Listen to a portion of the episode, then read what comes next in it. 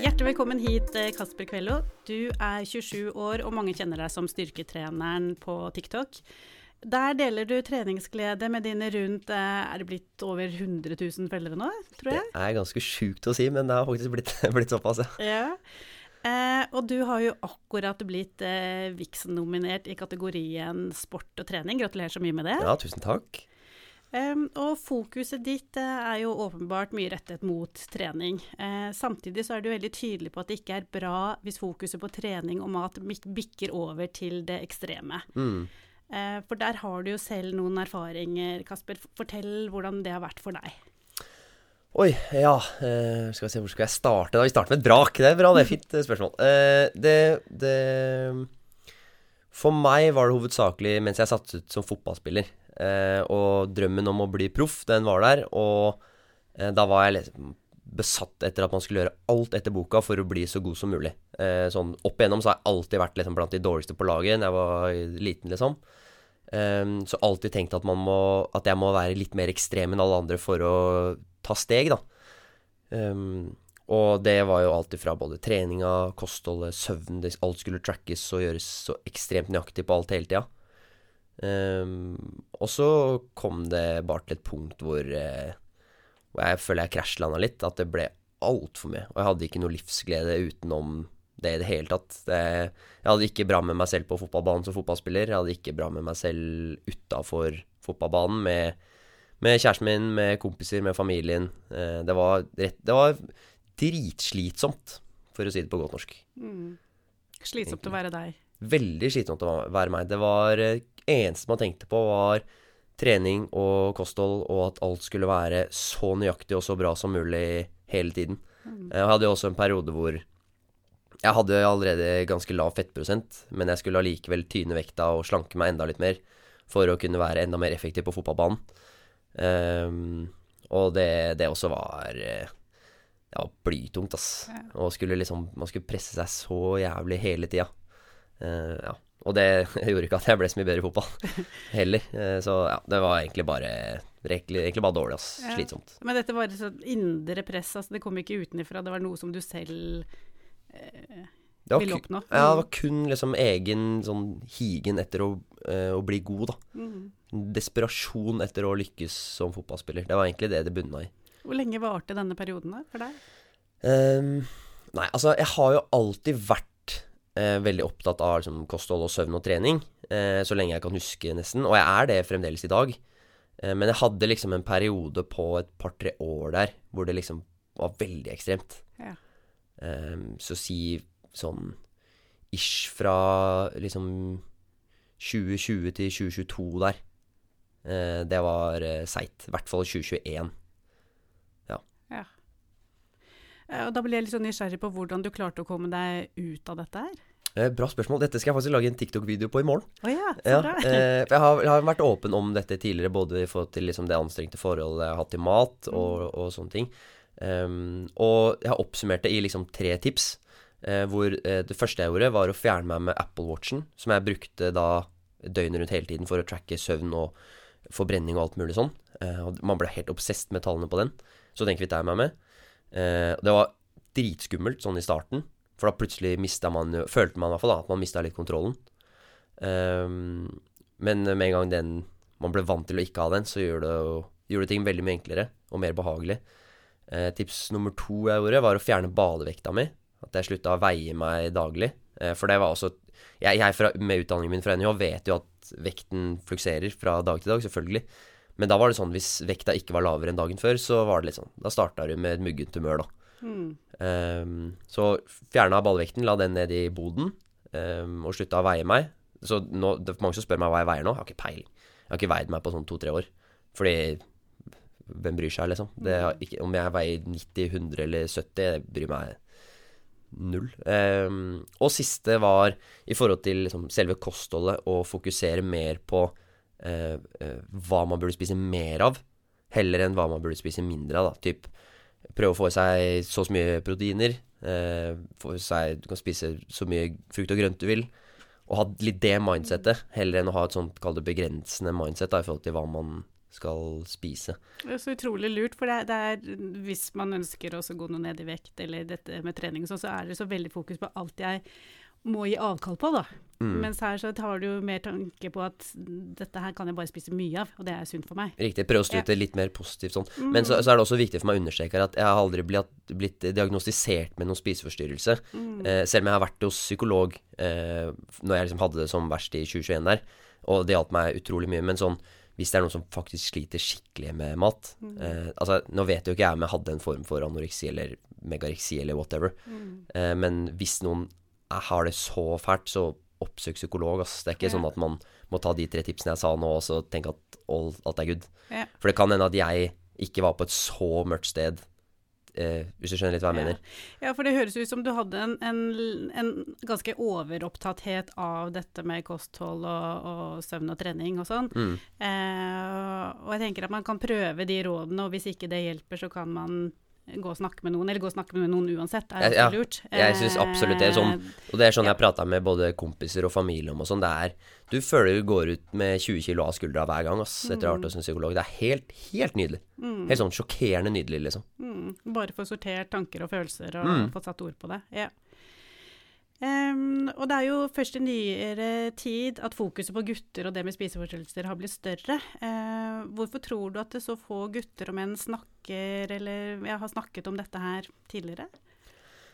Nei, det er den, den klassiske at gutta skal være litt sånn gutta, da, litt tøffe, og, og det å vise sårbarhet er noe mange syns er vanskelig å slite med. Um, jeg tror det er det, og jeg, jeg kan jo på en måte skjønne den, for det er jo visse miljøer jeg har vært i hvor det liksom Det har ikke vært like fett å prate om visse ting, da. Um, men uh, ja, det er, det er veldig godt at det er begynner, i hvert fall, sakte, men sikkert, å bli en litt uh, større åpenhet rundt det å ha det litt vrient, da. Og at det er greit å ha det litt kjipt, og at det er veldig ålreit å ha noen å prate med ting om. Mm. Er det blitt lettere sånn i fotballmiljøer og sånne ting òg, eller er det Det er fortsatt vanskelig å prate om. Altså, altså Ja. sånn for min del, da i, i, Når jeg har vært liksom i lagsettinger, sånn i garderoben, på en måte, der prater du ikke om, om sånne tøffe ting i fellesskap men, men når du får noen av gutta på tomannshånd eller tremannshånd, når du eh, Hvis du blir litt godt kjent med noen, så opplever jeg at det er enklere å prate om ting da, og har, jeg har til gode å liksom møte noen som jeg har eh, kommet på tomann- tomannshånd med lagkamerater, da, hvor hvor man ikke har klart å prate om litt kjipe ting, da. Det er eh, Når man liksom fjerner litt den, den der voldsomme guttastemningen når man er alle samla, da er det mye enklere. Mm. Men hvis man er bekymret for en venn, eh, hva, hva tenker du er lurt å eh, si til den vennen? Hva hadde vært godt for deg at hvis du åpnet deg da du hadde det vanskelig? Hva hadde vært fint hvis vennene dine sa til deg da? Uh, nei, det var eh, Jeg har noen kompiser som jeg har prata med dette om når det var som, var som verst tilbake i 2021 der, da. I tillegg altså, har jeg også en, en eh, samboer, nå forlovede, og, eh, og familie som jeg er generelt veldig åpne om, med, og som har hjulpet mye.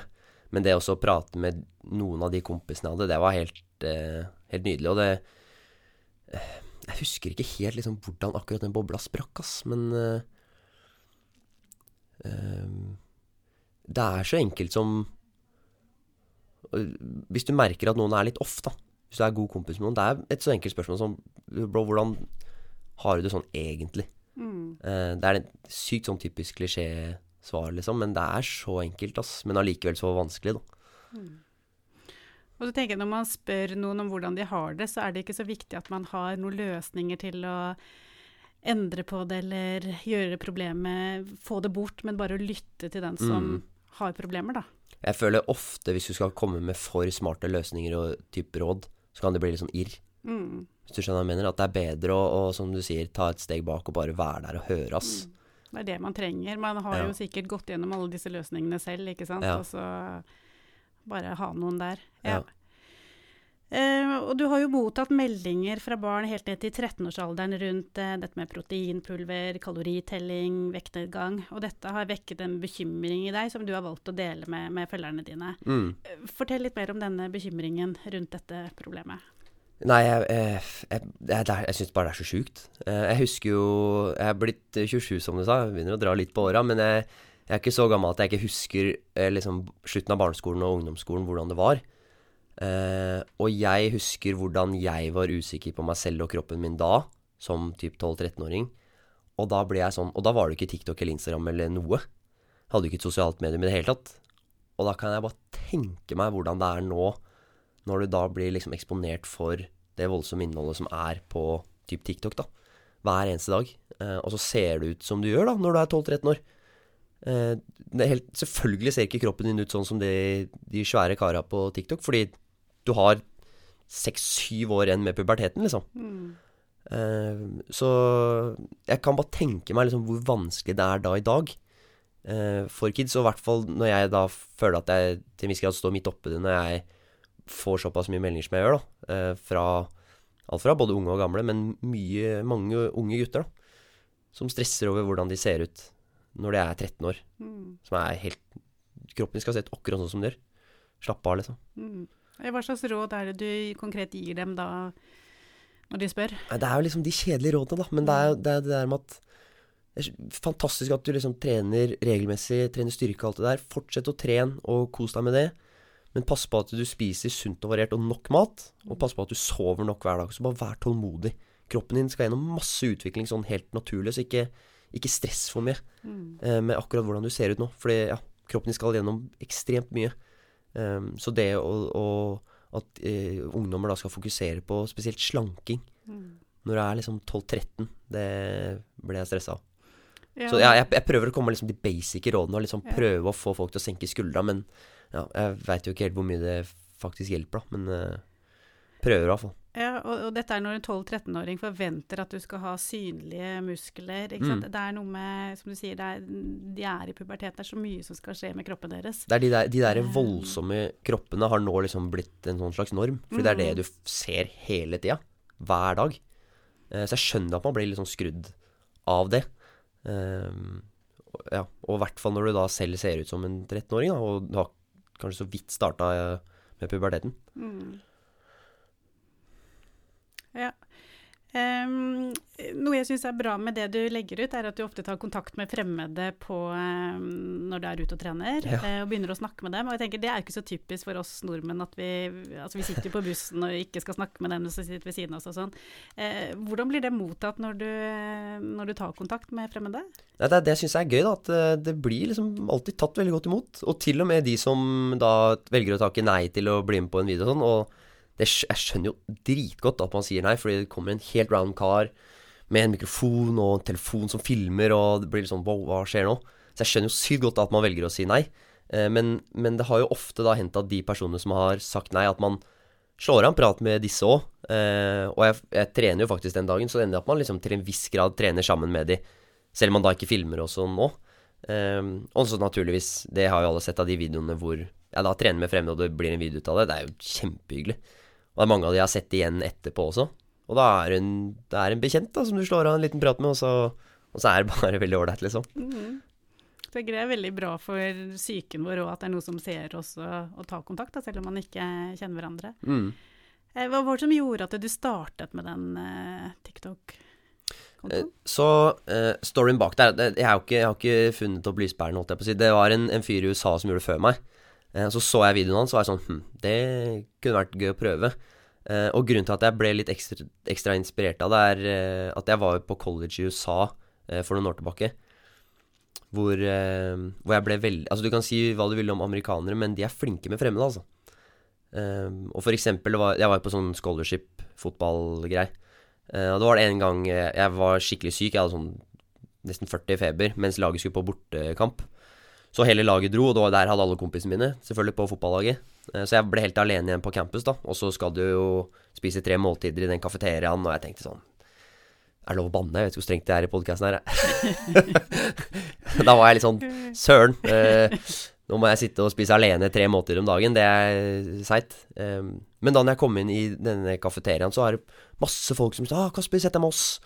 'Å, gutta er borte, har lyst til å sitte med oss denne gangen?' Og jeg ble helt sånn wow, dette her er jo helt sprøtt i forhold til åssen vi har det i Norge. Um, så litt inspirert av det òg. og litt sånn som du sa, dette er veldig eh, typ, lite typisk norsk. Så det er gøy å prøve å, å vri litt på det. Da. Mm.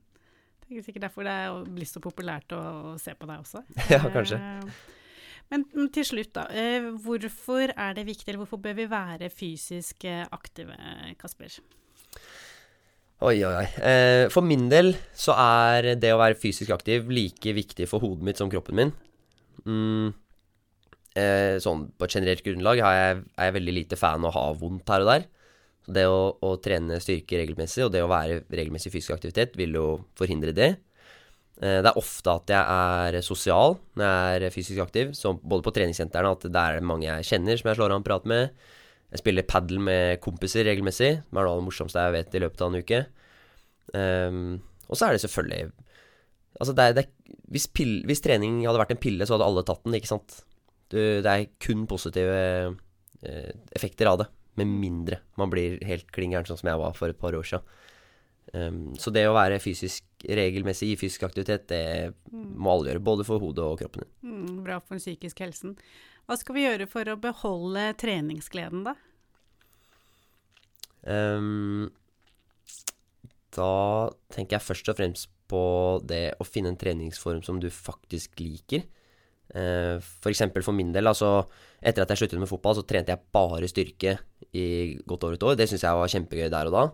Så merka jeg etter hvert at jeg ble drittlei av akkurat den måten jeg trente på.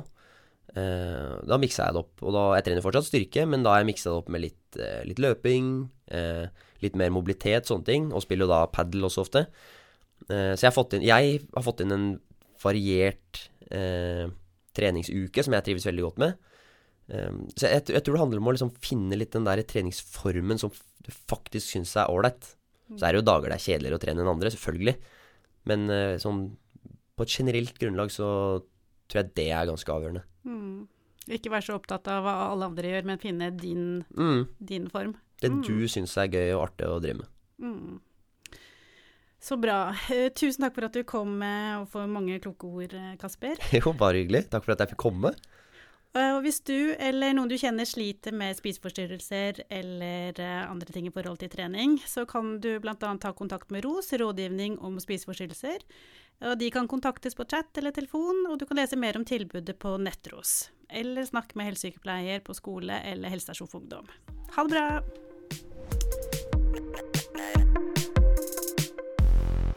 Mitt navn er Cindy Engmark Sandvold. Det tekniske var ved Helle Midtbø. Helle og Cindy har også hatt det redaksjonelle ansvaret.